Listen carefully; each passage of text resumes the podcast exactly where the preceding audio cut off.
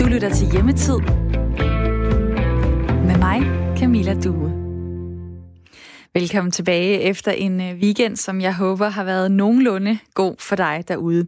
Jeg har øh, brugt den på blandt andet øh, meget tid på den blå avis, fordi når jeg først kommer i tanke om et eller andet, jeg kunne tænke mig, så er det bare at komme i gang og få det købt. For eksempel øh, manglede jeg nogle øh, større drikkeglas, og så sker der ligesom det, at så begynder jeg at hoppe fra den ene annonce til den anden, og lige pludselig så ser jeg nogle rigtig flotte koralblå tallerkener, og kunne jeg da egentlig ikke også lige købe dem. Øh, og jeg kan sige dig, så blev der ellers sat gang i et øh, købetog, som glider rigtig nemt hen over skinnerne. Og lige nu der er det jo også oplagt at kigge enten på brugte ting, som man hurtigt kan skaffe sig, eller købe ting på nettet, fordi der har jo ikke været særlig mange butikker åbne her den seneste måned. Og lige om lidt, der kigger jeg nærmere på, hvordan detaljsalget er blevet påvirket her under coronakrisen, og hvad det er, butikkerne står over for nu, hvor de så småt begynder at åbne igen, eller snart skal til det. I øh, august, der er der normalt rigtig meget gang i gaderne sidst i København.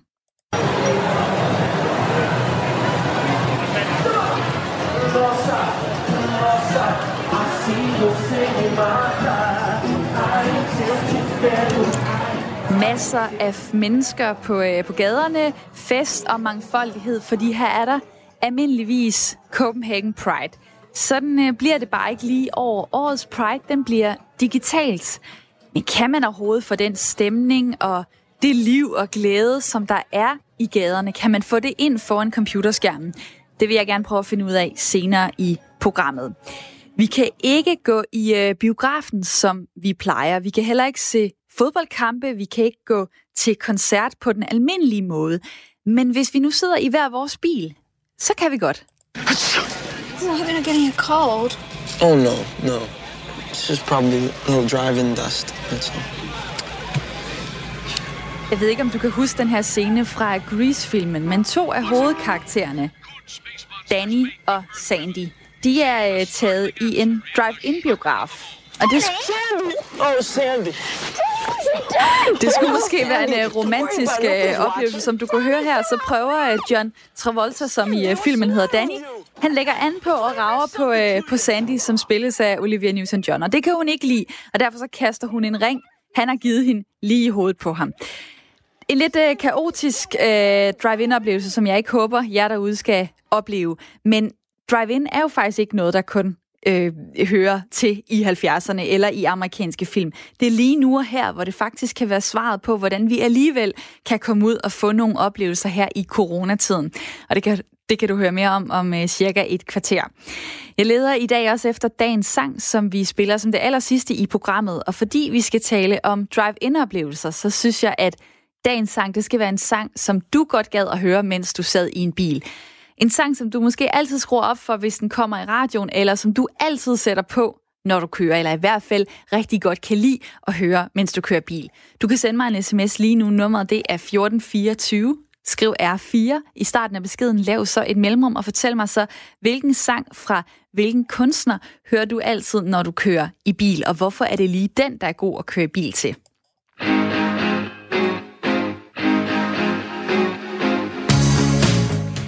Sådan lidt øh, den gamle skole, og øh, jeg synes, den her den er god, når jeg kører. I min forældres gamle Toyota, der var der nemlig en CD-afspiller. Der var ikke særlig mange CD'er, man kunne vælge imellem. En af dem, man kunne sætte på, det var Nutidens Unge med øh, TV2. Og derfor så er det lidt nostalgisk for mig. Jeg kan stadig godt lide at sætte den på, og så også gerne høre lige præcis det her nummer. Oh, oh, jeg vil gerne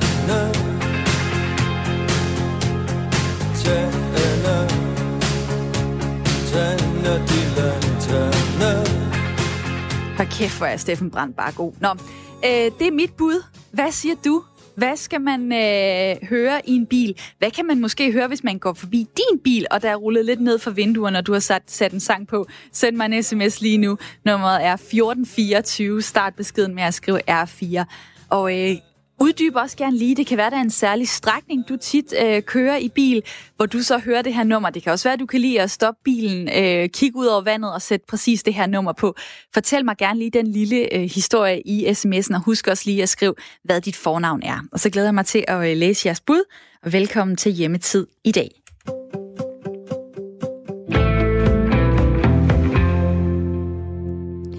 Det har været en øh, ret så tom måned i gågader over hele landet. Der har ikke været forsandaler på bordene foran butikkerne. Der har ikke været særlig mange teenager, der hænger ud.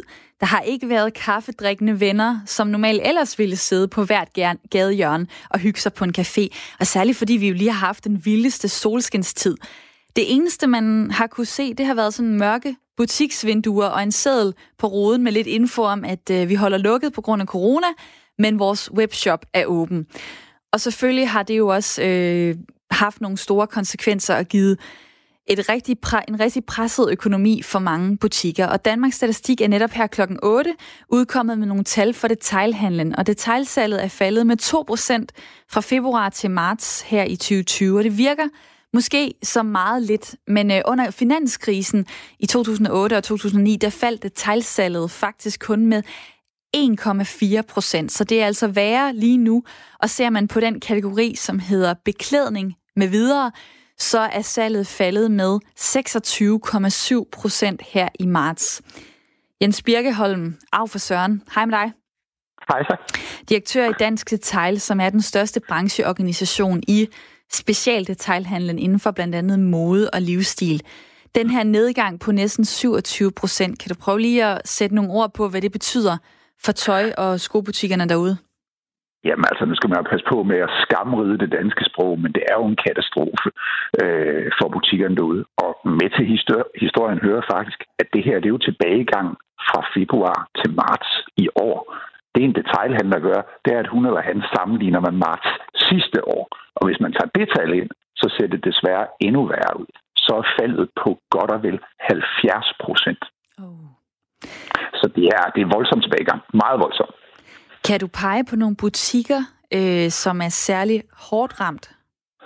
Jamen, øh, det er relativt enkelt, fordi hvis man øh, har taget bussen eller sin bil og kørt ud i, ud i verden, ud i Danmark og kigget, så kan man jo se, at alle butikscentrene er lukket ned. De er tvangslukket. Så der kan man jo blot konkludere, at der er tilbagegangen ikke på 27 procent eller på 70 procent. Der er tilbagegangen på 100 procent, for butikkerne skal holde lukket, så de har ingen omsætning. Mm. Er det er voldsomt. Er der nogle særlige øh, butikker, som kontakter jer øh, lige nu? Altså, øh, jeg tænker på, det kan måske være nogen, der sælger nogle, nogle specielle produkter eller luksusvarer, eller som er valgt til at sælge rigtig meget billigt tøj, eller hvad ved jeg. Altså, hvad, hvad hører I fra de, øh, de firmaer, de butikker, I snakker med? Jamen, der er, jo, der er jo dyb frustration, og folk er jo usikre. Det er der jo slet ikke nogen tvivl om. Øh, altså, det der med, at man som detailhandler kan se, at der bare ikke kommer nogen kunder ind, og at man alligevel har huslejeomkostningerne. Man har bestilt varer, som måske er på vej hjem. Nogle er måske allerede kommet, men der er bare ikke nogen omsætning. Så ved vi godt, så får man selvfølgelig, og det er jo også det, vi siger til mange af butikkerne, så har man mulighed for at søge de her hjælpepakker, som lykkeligvis er blevet skruet sammen. Men de dækker desværre ikke det hele. Det er jo ikke sådan, at man bliver 100% kompenseret. Så, øh, så der er altså nogle butikker, som øh, skal vi sige, kigger ind i en noget dyster fremtid. Det må vi bare erkende.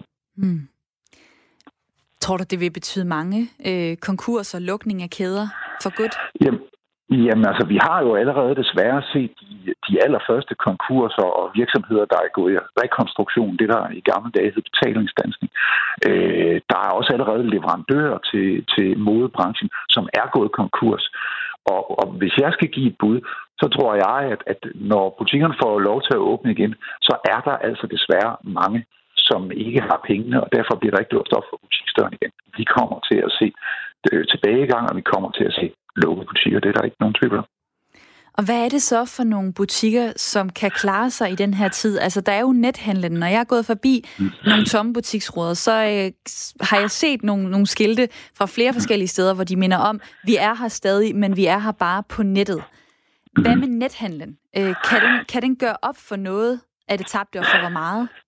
Jamen selvfølgelig kan nethandlen eller salg via sociale medier, altså salg via Instagram og Facebook, selvfølgelig kan de kompensere for noget. Og der er rigtig mange butikker, som har kastet sig ud i, skal vi sige, salg via sociale medier. Det har de måske ikke prøvet så meget mere. Nogle har været bedre til det end andre, men der er virkelig nogen, der har prøvet nogle, skal vi sige, nye ting af, og faktisk også fået, skal vi sige, bygget nogle tætte bånd til deres kunder og sådan noget. Men det er sådan, at øh, inden for mode, inden for tøjsko, der udgør salget ude i de 80 eller ude i de fysiske butikker 80 procent af omsætningen. Kun 20 procent kommer fra nethandel. Og det vil altså sige, når man mangler de 80, så skal der virkelig sælges meget via nettet for at kompensere for de der mange 80 procent. Så selvom man, man, man arbejder med nettet og så videre, så, videre, så øh, er det efter min opfattelse slet, slet ikke nok til at kompensere for den omsætning, der ellers ville have ligget ude i en butik. Og der er jo ikke nogen, der kunne forudse den her situation, men Betyder det egentlig, at de danske butikker er sådan lidt gammeldags i den forstand, at, øh, at mange af dem øh, satser på og håber på, at kunderne kommer til dem i butikken, som de altid har gjort, og så har de egentlig ikke øh, gjort sig klar på en situation, der hedder, at måske øh, kan der komme kriser, måske kan der komme butikker, der udkonkurrerer min butik, så jeg er nødt til at være på nettet, hvor, øh, hvor hele landet kan, kan få fat i mine varer. Altså, jeg, jeg har hørt, øh, jeg har også hørt fra andre, den der med, at de danske tøj- og skobutikker, de er lidt gammeldags og sådan noget. Det, det møder vi jo ind imellem. Øh, vi må bare konstatere, at Danmark er et af de allermest digitaliserede lande, og danskerne er nogle af dem, der internethandler allermest. Og der er danske butikker faktisk også ret godt med. Øh, mange mindre butikker har valgt at se ind i de sociale medier, fordi de gerne en helt anden tæt, tæt dialog med kunderne, hvor man i virkeligheden også her over det sidste har set mange, som har kastet sig ud og livestreame via Facebook og Instagram, og så sælge deres varer den bare rundt. Så, så generelt set, så synes jeg ikke, man kan sige, at danske butikker er gammeldags. Men til det der med, at man kunne man have forberedt sig på det her. Og der tror jeg bare, at man klokkeklart må sige nej. Jeg har ikke mødt nogen, hverken tøj- skobutikker eller andre virksomhedstyper, der har sagt, at vi var fuldstændig forberedt på, at der ville komme sådan en coronakrise her. Vi er alle sammen blevet overrasket til den negative side, desværre. Du siger alligevel, at nethandlen kun udgør 20 procent, og hvis vi er et af de mest digitaliserede lande, er det så ikke noget, der skal være et fokuspunkt fremover for butikkerne?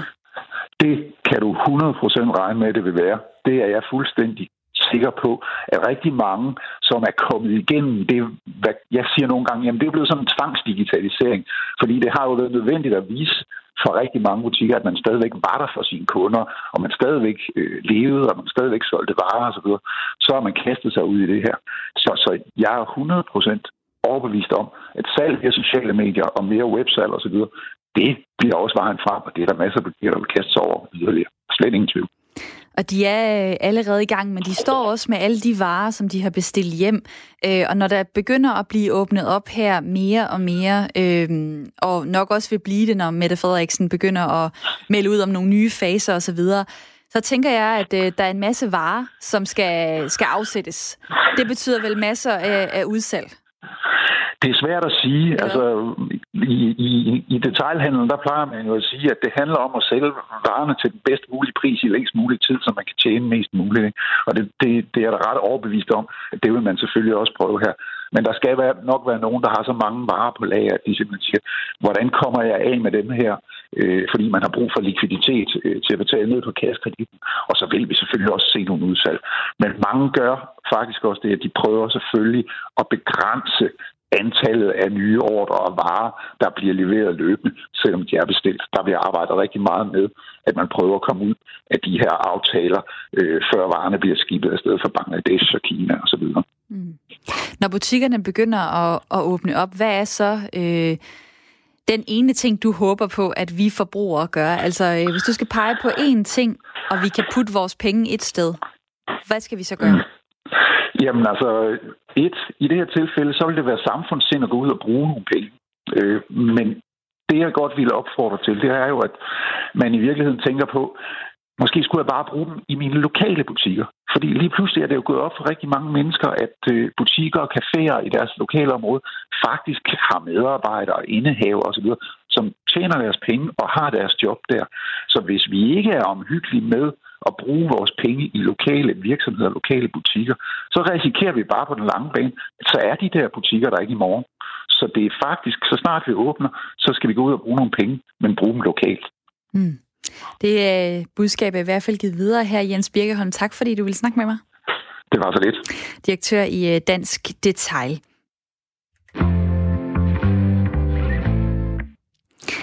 Jeg leder øh, stadigvæk efter øh, dagens sang, og jeg har spurgt jer derude, hvilken sang fra hvilken kunstner hører du altid, når du kører i bil, og hvorfor lige den? Og det er fordi, at øh, et af de emner, som øh, vi kommer omkring her i dag i hjemmetid, det er drive-in-oplevelser, og det er faktisk lige om lidt, at jeg skal tale med en om det. Og jeg tænker på, at der er jo ikke noget, der hører mere sammen end en bil, og noget musik ud gennem dens højtaler. Så derfor så spørger jeg altså dig i dag, og du kan sende mig en sms lige nu. Hvilken sang fra hvilken kunstner kan du lide at høre, når du kører i bil, og hvorfor lige den? Der er kommet et bud her fra Astrid, som skriver The Ballad of Lucy Jordan med Marianne Faithful. Og Astrid, hvis jeg skal spille den sang, så skal du lige komme med lidt flere ord. Hvorfor den sang? Hvad betyder den, når du sætter den på? Scroller du med? Det er altid dejligt at få en lille historie koblet til jeres øh, musikønsker.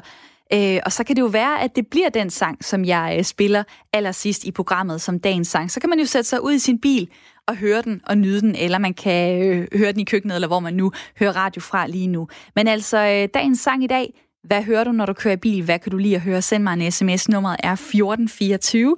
Start beskeden med at skrive R4, lav et mellemrum, og skriv så din besked og send den afsted.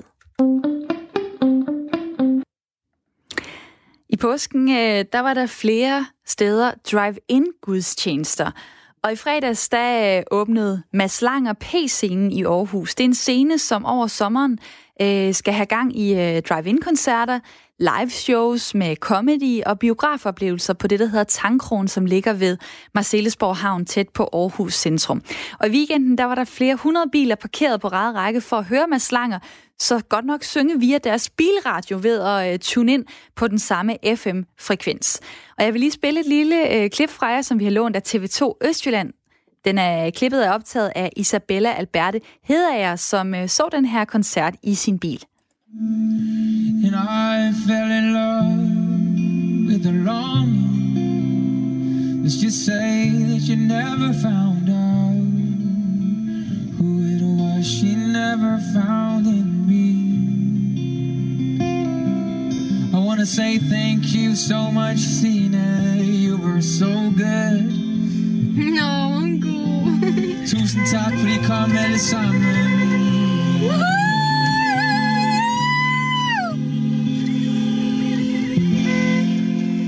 Det er altså det, man gør, når man ikke kan øh, klappe. Så dytter man en øh, kunstner af scenen som, øh, som tak for koncerten. Et dejligt klip, som jeg altså har lånt af TV2 Østjylland. Og drive-in-oplevelserne, de spreder sig senere på ugen. Så slår man i Viborg dørene op for et nyt drive-in-kulturprojekt. Så lige nu, på, på kort sigt, der kommer vi måske til at bruge bilen mere og til andet, end, end det vi plejer.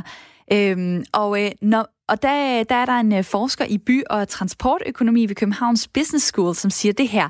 Når målet er, at man skal holde afstand til hinanden, så er bilen perfekt. Og han hedder Ishmir Mulasic, og det sagde han til Berlingske i sidste uge, hvor man også kunne læse i avisen, at øh, bilen på lang sigt også vil vinde frem som transportmiddel. Og det vil jeg gerne øh, tale med dig om, Mikkel Tomsager. Velkommen til programmet. Tak skal du have. Chefredaktør på Bilmagasinet.dk og en vaskeægte bilentusiast og ekspert. Øhm, de her drive-in-tilbud, de er jo poppet op mange steder og er på vej i, øh, i endnu højere grad. Hvorfor kan drive-in-konceptet noget, og hvor opstod det? Drive-in er jo en amerikansk fænomen i USA, hvor bilen jo har en helt anden betydning for almindelige mennesker, end den har i Danmark. Så er drive-in jo udbredt i alt fra øh, det, vi kender, biograferne osv., til handel med, med alle mulige ting. Øh, hvis man skal hente drikkevarer, kan man gøre det. Øh, for nylig så jeg også, at man havde lavet en drive-in tandlæge. Så derover det er jo en livsstil på en helt anden måde, end vi kender den her i Europa. Og bilen er jo en en nærmest en menneskeret i, i USA, og hvor man jo lever i den og med den på en helt anden måde, end vi har gjort i Europa i almindelighed og i Danmark i, i særdeleshed. Øh, I, I Danmark har, har bilen ikke øh, haft den samme øh, funktion. Her har vi i højere grad betragtet den som et luksusprodukt, og, og sådan et øh, sidder man ikke eksempelvis og spiser i øh, af frygt for, at det skal plet på sæderne. Øh, og man øh, har sådan set heller ikke så meget imod at sætte den fra sig, fordi man vil, man vil gerne ud af den, så man kan betragte den, og så andre kan betragte den, og man kan stå og være stolt over at kigge på den.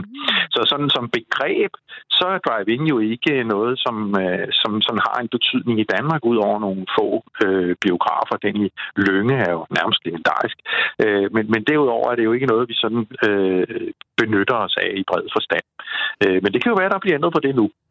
Ja, for jeg tænker, synes amerikanerne virkelig, det er fedt at bruge så meget tid i deres bil? Altså, jeg synes tit, det bliver lidt øh, indelukket, og jeg er bare sådan, kan vi ikke få ruderne rullet endnu mere ned? Og altså, så rar er en bil alligevel ikke at sidde i. Nu ved jeg ikke, om det er, fordi jeg ikke har en luksusbil, men altså, for mig i hvert fald, er det ikke øh, det bedste sted, jeg kan opholde mig. Det, så vil jeg hellere sidde på sofaen.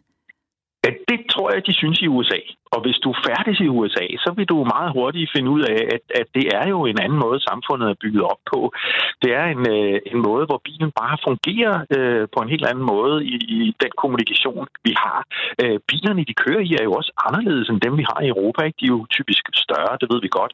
Amerikanske biler, det er sådan nogle store flydere, det er det ikke så meget mere. Men det er stadigvæk meget store biler, store SUV'er, de, øh, de foretrækker. Øh, og øh, det er det jo også, øh, fordi at de jo ofte kører langt. Altså USA er jo et stort land, så skal man rundt, jamen, så skal man køre meget. Øh, og, og, og når man opregner øh, afstanden i USA, ja, så gør man det jo ikke i miles øh, eller kilometer, som vi gør det her i Europa. Så gør man det i timer. Øh, og, og det er jo øh, den tid, som det tager at køre med almindelig normal hastighed.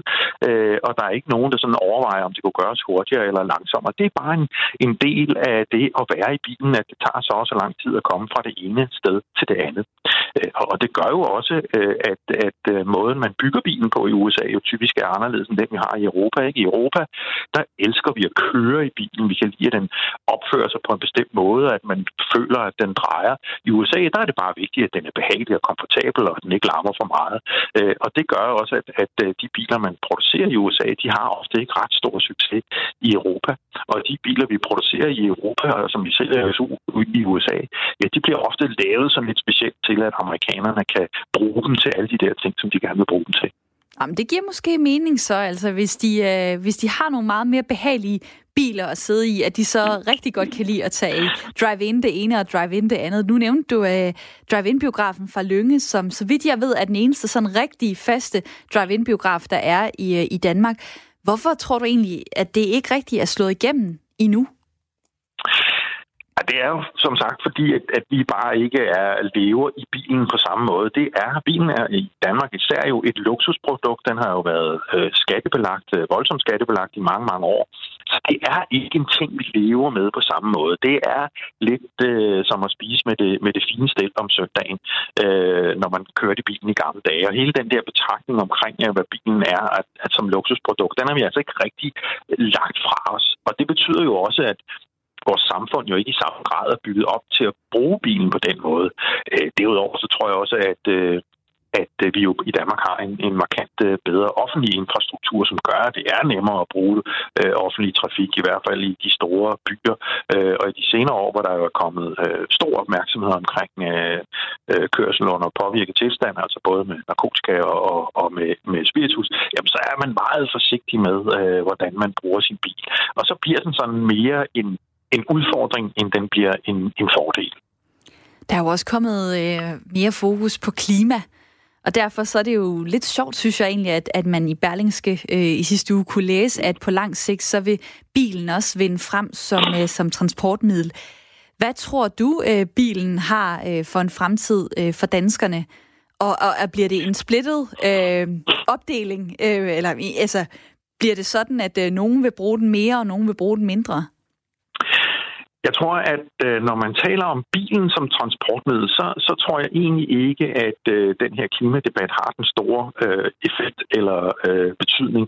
Og når jeg siger det sådan lidt skråsikkert, så er det fordi, at, øh, at vi vil jo til hver en tid have behov for transport, og vi vil gerne gøre det så nemt og bekvemt for os selv. Det kan godt være, at øh, vi ikke alle sammen har en bil stående i indkørslen eller nede ved kantstenen længere. Men så benytter vi den bare på alle mulige andre måder, hvor vi deles om den øh, via faste ordninger eller mindre faste ordninger. Og den slags er jo eksploderet i de senere år, hvor man øh, kan vælge alle mulige løsninger fra at købe den i et firma, hvor man også kan lege den til andre, øh, til at man simpelthen bare går hen og tager en bil på gaden, øh, hvis man har abonnement på en eller anden samkørselsordning. Og, og det betyder, at, at bilen vil helt sikkert være der øh, i fremtiden. Det, som, som Berlingske måske øh, her henviser til, det er jo, at under de her coronatider, ja, så vil vi gerne sidde i vores egen bil, for dermed så er vi sikre på, at der ikke er nogen andre, der har siddet og puttet smitte på overfladerne og rettet i, i bilen. Og det kan være, at, at at coronaen får en større effekt der i forhold til, at øh, delebilsløsningerne måske bliver mindre udbredt i den nærmeste fremtid. Øh, det skal blive lidt spændende at se, hvad det er for en trussel, der vinder i den sammenhæng. Ikke? Om det er klimatruslen, eller om det er coronatruslen i forhold til måden, vi, øh, vi bruger vores biler på. Ja, fordi nu er det, sådan, nu er det legitimt at sidde i en bil til en øh, drive-in-koncert. Altså, der er ikke nogen, der tænker på, at øh, det er oser, og vi kører herhen, i stedet for måske at tage cyklen. Lige øh, kort til sidst, vi går jo også en sommer i møde, hvor der er flere folk, der skal holde sommerferie herhjemme, højst sandsynligt. Øh, kører rundt, måske i Danmark. Kan det her få en betydning øh, for, for, bi, for bilen som brand her i Danmark? Ja, det tror jeg bestemt godt, den kan få. Altså, nu, nu har vi jo ligesom vendet os til, os øh, bilentusiaster, at bilen er blevet lidt udskammet. Ikke? På et tidspunkt så genvandt den lidt af sin respekt, da man fandt ud af, at det med at flyve, det var faktisk meget værre end at køre bil. Og pludselig hørte man så klimaforskere opfordre til, at man brugte bilen i stedet for at flyve. Men, men helt grundlæggende, så er bilen jo stadigvæk øh, udskammet uh, som, som synder.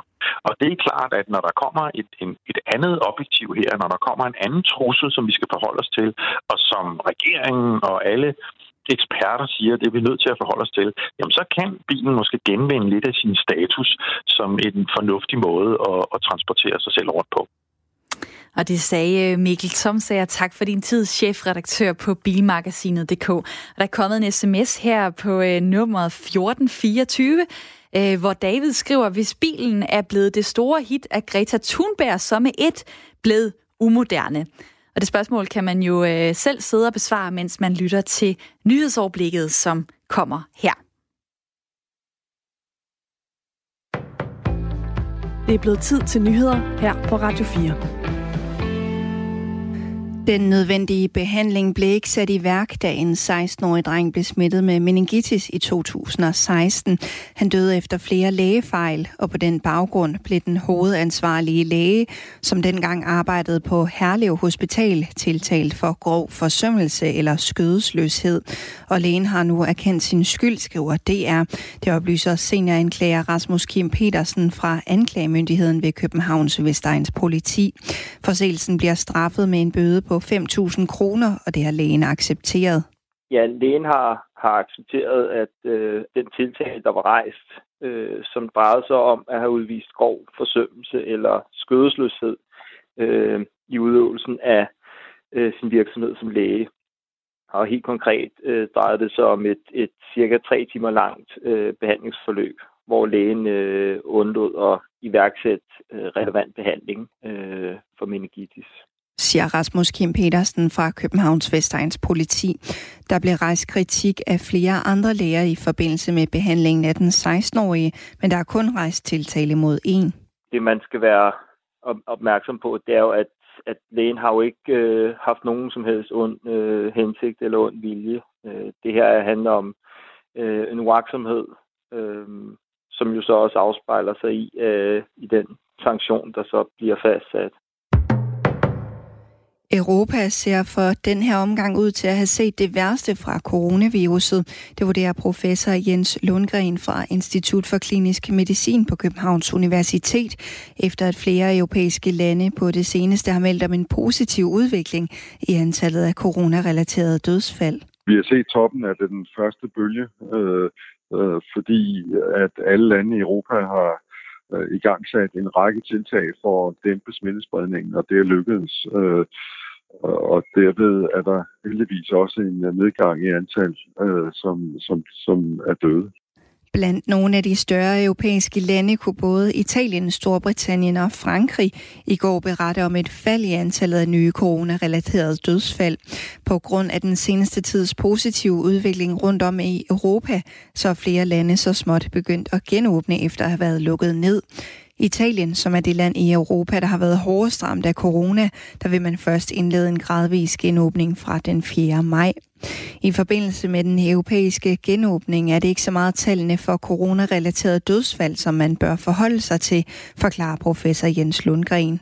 Fordi det tager mange uger efter, man er smittet, indtil man dør. Øh, så vi skal i gang i andre faktorer, som der kan øh, bedre vurdere, øh, om de åbningsprocesser, de sker hensigtsmæssigt eller ej. Først og fremmest så bør landene kigge på, hvor mange der bliver smittet med viruset. Dernæst så bør man kigge på, hvor mange smittede der bliver indlagt på hospitalerne. Det er de to helt afgørende øh, faktorer, øh, som skal bruges til at navigere de forskellige samfund gennem øh, genoplukningsprocessen. Danmark og Spanien er nogle af de europæiske lande, som allerede har taget hul på en genåbning. For eksempel så kunne børnene i Spanien i går for første gang i seks uger gå på gaden og lege. I den syd- og sydøstligste del af landet bliver det tørt i dag med lidt eller nogen sol. I resten af landet der bliver det overvejende skyet, og til tider får vi regn, men i løbet af dagen mest tørt mod nordvest, og der kommer lidt sol. Temperatur mellem 12 og 17 grader, men i Nord- og Vestjylland kun 8 til 11 grader, og svag til jævn vind mellem syd og vest.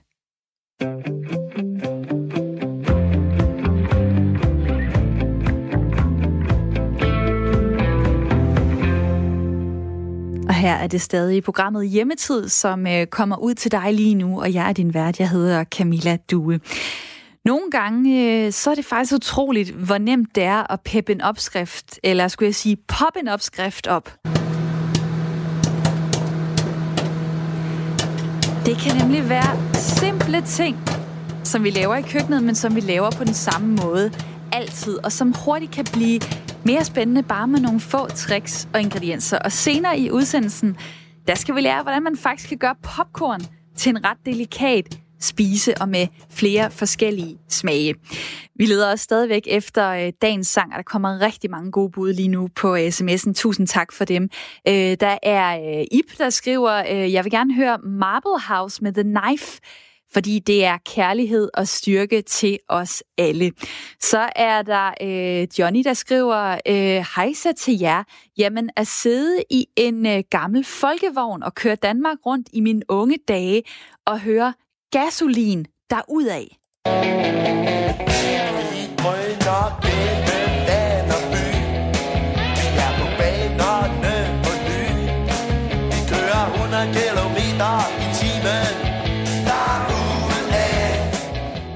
er da en fuldstændig oplagt sang at øh, sætte på, når man øh, drøner derud af i sin bil.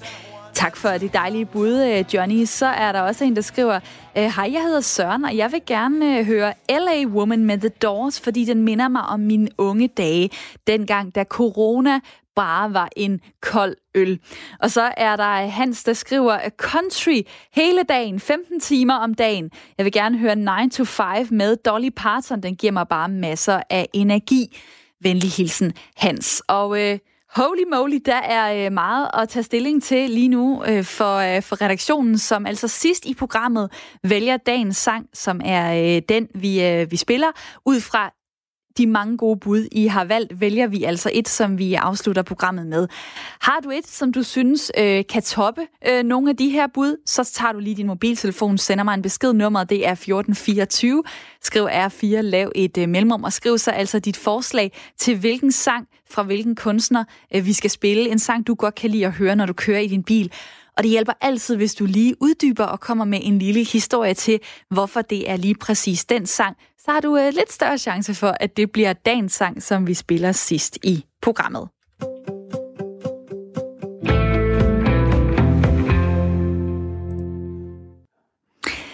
Normalt så øh, lyder det øh, sådan her i øh, løbet af august i København.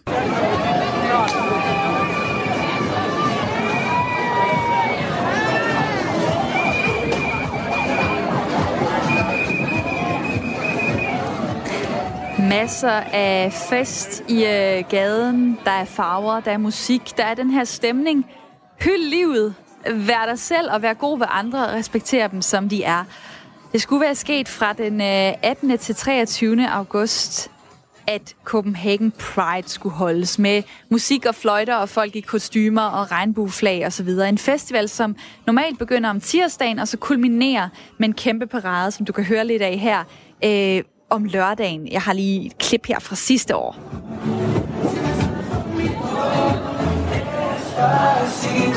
Men sådan kommer det altså ikke til at foregå her i august, fordi festivalen har allerede meldt ud nu, at den bliver gjort digital.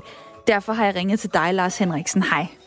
Hej, godmorgen. Godmorgen. Forperson for Copenhagen Pride. Hvordan søren vil I få den stemning, som Pride'en normalt skaber, ind digitalt?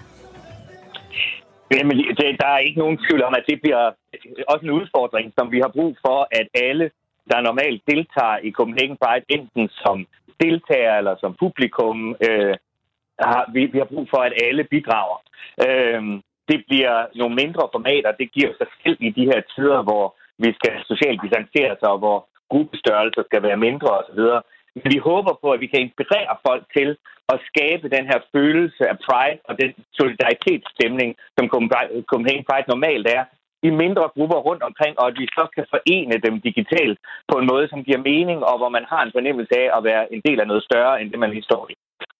Så det vil sige, at I forestiller jer stadig, at der kommer til at være øh, nogle folk, der fysisk er sammen, og som så øh, leverer noget ind til hvad? En eller anden platform? Vi arbejder med flere forskellige øh, formater lige nu. Vi har ikke øh, ligesom låst os fast på en. Det vi gør lige i øjeblikket, det er, at vi taler med forskellige udbydere af løsninger for at se, hvad der giver mening. Øh, eller, eller måske give det bedste resultat. Og derudover så taler vi også med vores Pride-kolleger rundt omkring. Der er rigtig, rigtig mange Pride, der er øh, aflyst, men der er også nogen, der ligesom også vælger at gennemføre på digitale formater. Og deres erfaringer bruger vi også i vores planlægning, øh, sådan at vi ligesom i fællesskab får skabt den bedste løsning. Hvordan øh, har du det egentlig med, at, øh, at det er sådan her, det bliver? Altså... Jamen, jeg synes jo, at verden har brug for Pride. Og, det for, og derfor er vi fuldstændig bandsatte på, at vi skal lave noget, øh, der hæver fanen for LGBT-rettigheder også i august i år.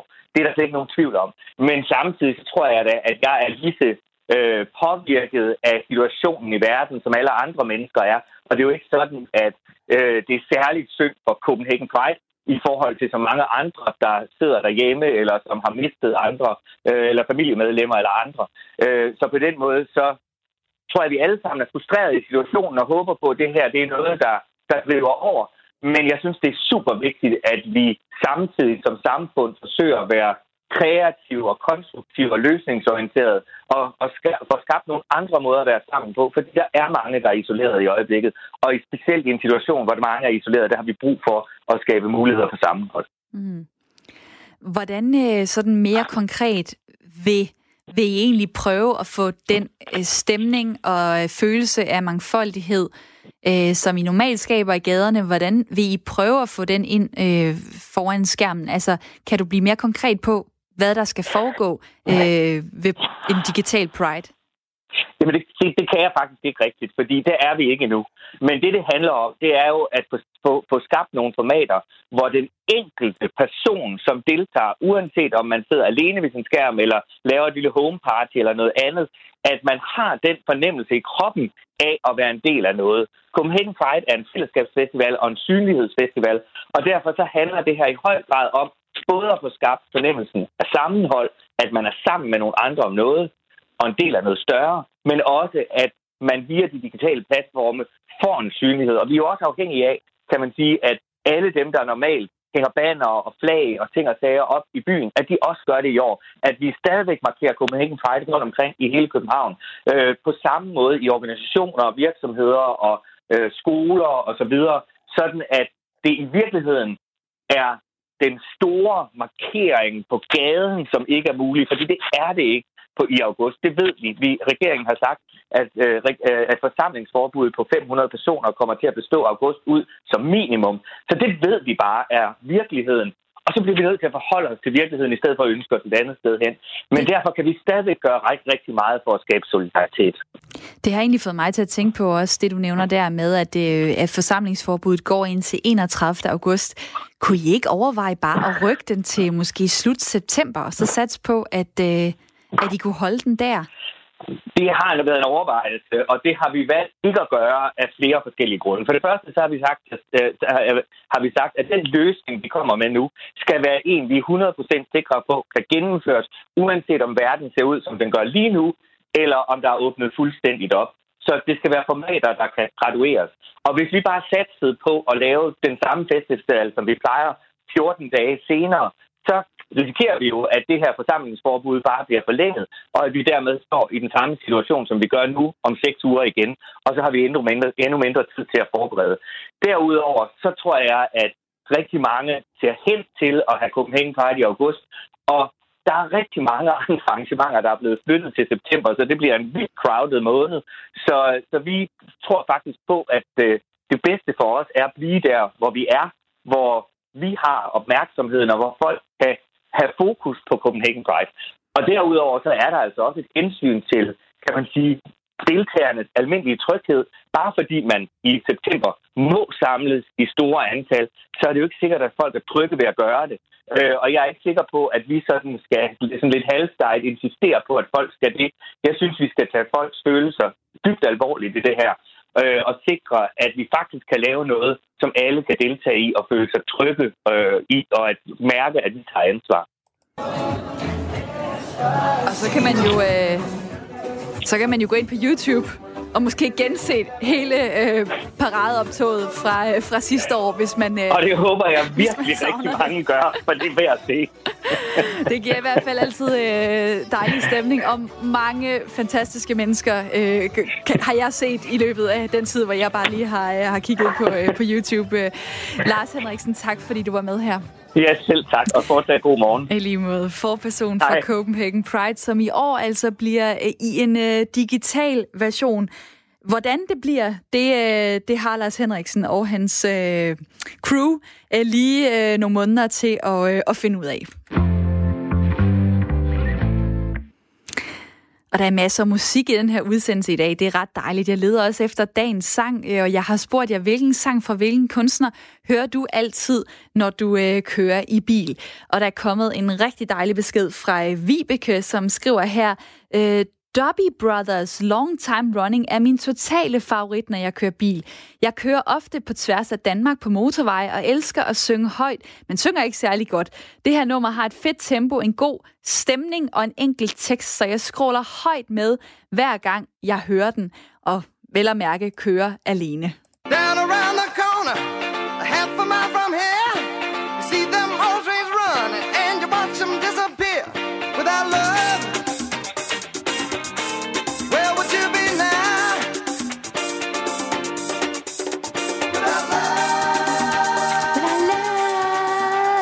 jeg kender ikke sangen, men jeg kan godt synge med allerede.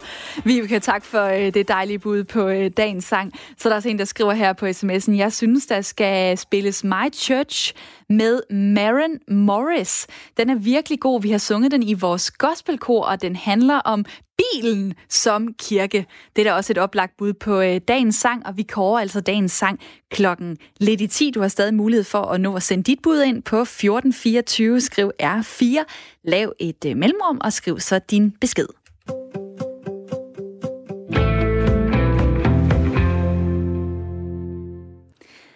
Nogle gange så øh, begiver jeg mig her til sidst i programmet øh, ud i nogle lidt øh, svære projekter, i hvert fald på papiret. For eksempel at lave en, en sur dej, eller en dalgona iskaffe, eller at fermentere et eller andet. Men nogle gange, så behøver det slet ikke at være svært, for at det bliver godt.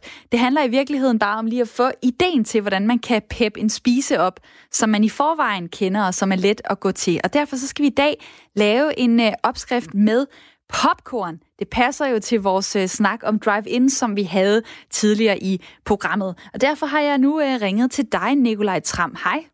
Hej, hej. Jeg er stadigvæk på det der, without love, where would it be? Det er, det er så fedt, når, øh, når lytterne skriver sådan nogle dejlige bud ind, og jeg så kan få Ja, lov til at spille øh, noget af deres øh, musik. Øhm, du er kok, du er bålentusiast, og du har skrevet bogen om øh, bålmad. Og inden vi lige dykker ned i den opskrift, som vi skal til at, øh, at lave, så skal jeg lige høre, hvorfor elsker du at lave mad over bål? Jamen, det, er jo, det handler i virkeligheden om, at øh, jeg har tilbragt nok tid i et køkken til at finde ud af, at det er meget sjovt at være udendørs. Ikke? Øh, Jeg, jeg har stået øh, i rigtig, rigtig mange timer og brugt inde i et køkken. Og da så min kone og jeg vi flyttede med vores børn ud i en skov ude i Sverige, så, så begyndte vi at tænde bål. Det er lige så naturligt at tænde et bål øh, i en skov i Sverige, som det er at tænde en blå kings øh, på Østerbro i København. Så, og når så man, man sidder der ved bålet, så, så, lige så begynder der at ske noget. Øh, og man begynder at sidde og tænke over, kan vide, hvad der, hvad der sker, hvis jeg begynder at putte noget mad ind i det. Og sådan, sådan opstod sådan min passion for at, øh, at lave mad over bål, og den har jeg så dyrket i ja, rigtig meget i tre år nu, har også skrevet en bog, som du sagde. Og øh, man kan også lave popcorn over bål, og det øh, smager jo helt sikkert anderledes end de mikroovnspopcorn, som jeg skal til at lave og, og gøre noget ved lige om lidt. Og nu tror jeg lige, jeg skal have smidt dem øh, i ovnen. Eller i mikroovnen er det jo så. det er ikke en rigtig ovn, vi har herinde. Og så det er jo altid det der med, at man skal huske denne side nedad.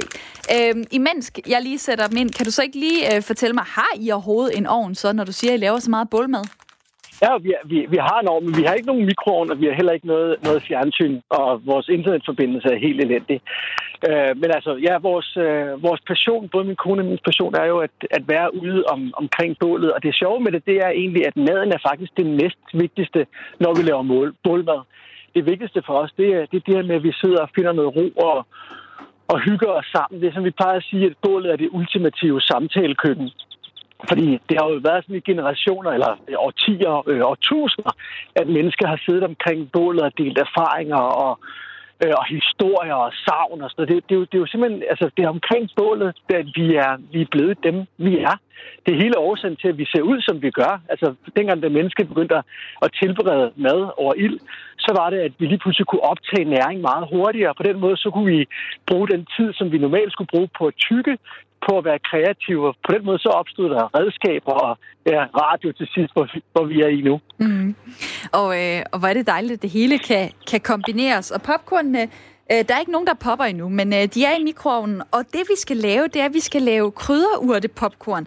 Så jeg har været ude i mit øh, krydderurtebed. Jeg har øh, frisk timian, jeg har mynte, jeg har noget citronmelis, og en lille Nå, smule godt. koriander, for den var jeg lidt nær i med. Den gad jeg simpelthen ikke at tømme fuldstændig. Men øh, fair hvad, hvad gør jeg så nu? Jamen altså, vi skal lige fortælle baggrunden for, hvorfor vi gør det, vi gør. Altså, så, så, så den her ret, jeg lavede her, det er jo i virkeligheden, altså, det er jo helt åndssvagt, så enkelt den er, fordi det er jo bare, at vi laver nogle popcorn, som du er i gang med nu, og så tager vi en masse friske krydderurter, så vender vi ned, ned i det, så det bliver sådan en popcorn krydderurtesalat. Så egentlig så skal du bare sørge for, at din, øh, din krydderurte, de er vasket og skyllet og ordnet. Det, det, det tror jeg, de er. Øh, og så skal de bare plukkes i, øh, i blade. Så det må meget gerne være nogle grove stykker. Fordi når det, der skal ske, når vi vender dem ned i popcorn, det er, så begynder du at tygge på det. Og når du tykker på bladene, så udløser de her eteriske olier sig. Og det vil sige, når så du får popcorn og koriander, så, det vil, så får du indtryk af, at du er over i noget asiatisk, og, og timian og, og citronmelisse, så er vi måske mere nede i sådan noget øh, middelhav, middelhavskøkken. Altså, altså jeg, jeg, jeg kan huske det her som, som kok tit, så når man laver en kugle vaniljeis på en dessert, og så lægger et citronmellisseblad ovenpå, så det første gæsten gør, det er, at de tager bladet, og så lægger de det på siden af tallerkenen, og så spiser de vaniljeisen. Men krydderurter er jo faktisk fantastisk til at give, give retning og dimensioner til ens mad. Så hvis man får, får vendt det op i at virkelig få spist og tykket på det, så kan det give nogle helt fantastiske øhm, resultater, synes jeg. Og det, jeg kan godt lide, at du siger, at man ikke skal gøre så meget ved det. Altså, det er også det der med, hvor nemt det er. Man skal ikke stå sådan og finhakke det fuldstændig. Og lige nu, det dufter jo selvfølgelig helt fantastisk, når det er koriander, det er timian, det er mynte, og det er noget, jeg tror, det er noget citronmelis. Jeg er faktisk ikke helt ja. Ja. klar over det. Og du Men, har, nu, nu kan jeg jo ikke se dig, men du har nok af det, ikke? Du har sådan en god håndfuld, Jo, ikke? jo, absolut. Øh, Ja, vi, skal, vi skal sørge for, at de bliver blandet rigtig godt sammen, så der er meget til stede, ikke? Og lige nu, der står jeg også samtidig og holder lidt øje med popcornene, fordi de skal jo ikke have for meget. Det er jo altså det med mikroovnen. Lige pludselig så de sorte, og så brænder posen og sådan noget. Og nu ja. tror jeg faktisk jeg, kan varmt anbefale at lave dem over et bål i stedet for. Jamen, øh, hvad giver det egentlig? Kan du ikke lige fortælle om det? Hvad giver det til smagen? For så tjekker jeg lige de her mikroovns imens. Nå, men altså for det første, så giver det jo helt, helt oplagt, det giver røg. Men så er der også noget med, at jeg synes bare, at den måde, øh, at popcorn popper i en mikroovn på, og det resultat, de giver, det kan godt blive sådan lidt, øh, lidt seje i det. Og det bliver det altså ikke på samme måde, hvis man, hvis man popper dem i en gryde, eller hvis man popper dem øh, over bål. Så bliver de mere sprøde. Nu må vi se, om jeg har formået at kunne lave dem nogenlunde. De er i hvert fald ikke sorte, så det er en rigtig god start. Nej, okay. Mens, mens ja. de er varme nu, ikke, så ja. den krydderurten op i, fordi så ja. falder de en lille smule sammen, og så begynder de også at, at løsne lidt af den der smag der. Så, så vender du det i, som om det er en salat nu. Og det bliver ikke alt for, øh, for sådan træls og tyk på, når man... Øh, altså, det der med, at det sætter sig ikke sådan fast, fordi jeg synes godt, popcorn kan jo godt tørre lidt ud i munden. Altså, øh, og så hvis man kun har krydderurter også. Det bliver... Jo, jo, altså, du, altså, jo, du kan, du kan jo godt fedte det ind i noget creme fraiche, og, og mm. man kan også lave karamellpopcorn. Der, der er mange muligheder for at, at, øhm, at peppe sin popcorn op. Men nu synes jeg bare, det var lidt sjovt at prøve at vise dig, øh, hvor enkelt man rent faktisk kan gøre det. Og det her, det var, det var en, ja, som sagt en ret, der opstod. Jeg har et bålsted, jeg står her faktisk lige nu i vores øh, krydderurtehave. Jeg er sådan en nørd, der samler på krydderurter, så jeg har, jeg har næsten 50 forskellige slags. Og så vores ildsted, der er midt i vores krydderurtehave, der lavede jeg popcorn over på et tidspunkt. Og så begyndte jeg bare at plukke en af hver, to af hver af de der krydderurter, der var. Og så vendte jeg ned i popcorn, og så, så fik jeg ja, et resultat, som, som du kan opleve nu om lidt. Og Nicolaj, jeg har tænkt mig at, øh, at smage nu. Øh, Det lyder sprøde. mm. Nej, der fik jeg lige mynte med. Okay, det er faktisk super lækkert. Yes, mand. Nå, så er jeg glad. det Nej, fungerer. og tyk, Kan du se ja, det er det? jo næsten... Altså, man, jeg får virkelig øh, ta- tanker hen til, at jeg næsten spiser øh, andre retter, altså pizza Ja. og alt muligt. Lige præcis. Det er det, der det kan. Okay, det er, Er det super, jo, super lækkert og meget simpelt. Nikolaj Tram, Ja. tak fordi, at øh, du vil øh, give mig den gode idé. Jamen, tak fordi jeg måtte være med, og kan du have en rigtig dejlig dag. I lige måde. Og så kan jeg jo stå her og øh, nyde popcorn.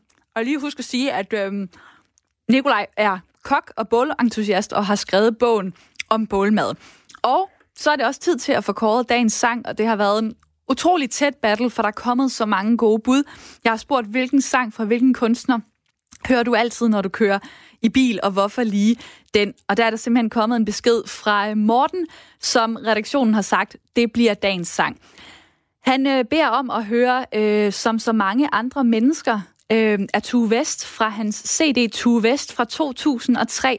Det er et ekstra nummer, som kommer efter nummer 10, hvis man lader en køre. Og det gjorde jeg på vej tilbage til Danmark efter en jobsamtale i Sydfrankrig. Den sang overvældede mig med tårne trillende ned ad kinderne og fik mig til at droppe mit udlandseventyr og slå rod i Danmark. Jeg lytter stadig til den i bilen, når jeg kører langt, og med samme CD, hvor jeg næsten hver gang automatisk opbygger den samme specielle stemning fra bilen i Sydfrankrig øh, i de minutters tavshed efter sang nummer 10, inden øh, den her den kommer på. Og den skal vi selvfølgelig høre. Tak Morten for øh, den dejlige besked. Vi har fundet en live-udgave øh, af sangen, der hedder Andre Mennesker, her fra Tuvest. Vask nu vores fingre Og luk en mening inde Som så mange andre mennesker ved vi ingenting Han driver rundt i gaden I verden udenfor Ja som er starten på et samlebånd, hvor tårer bliver til guld. Han falder over ting, han ikke forstår. Og glæder sig slet ikke til for. Som så mange andre mennesker, ser han lige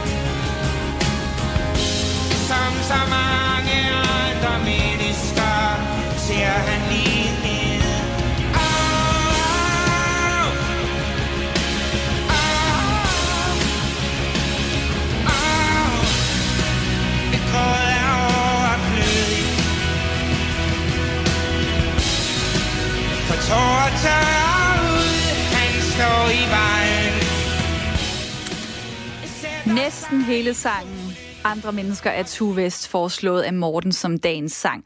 Tak for det dejlige bud, og hjemmetid er tilbage i morgen.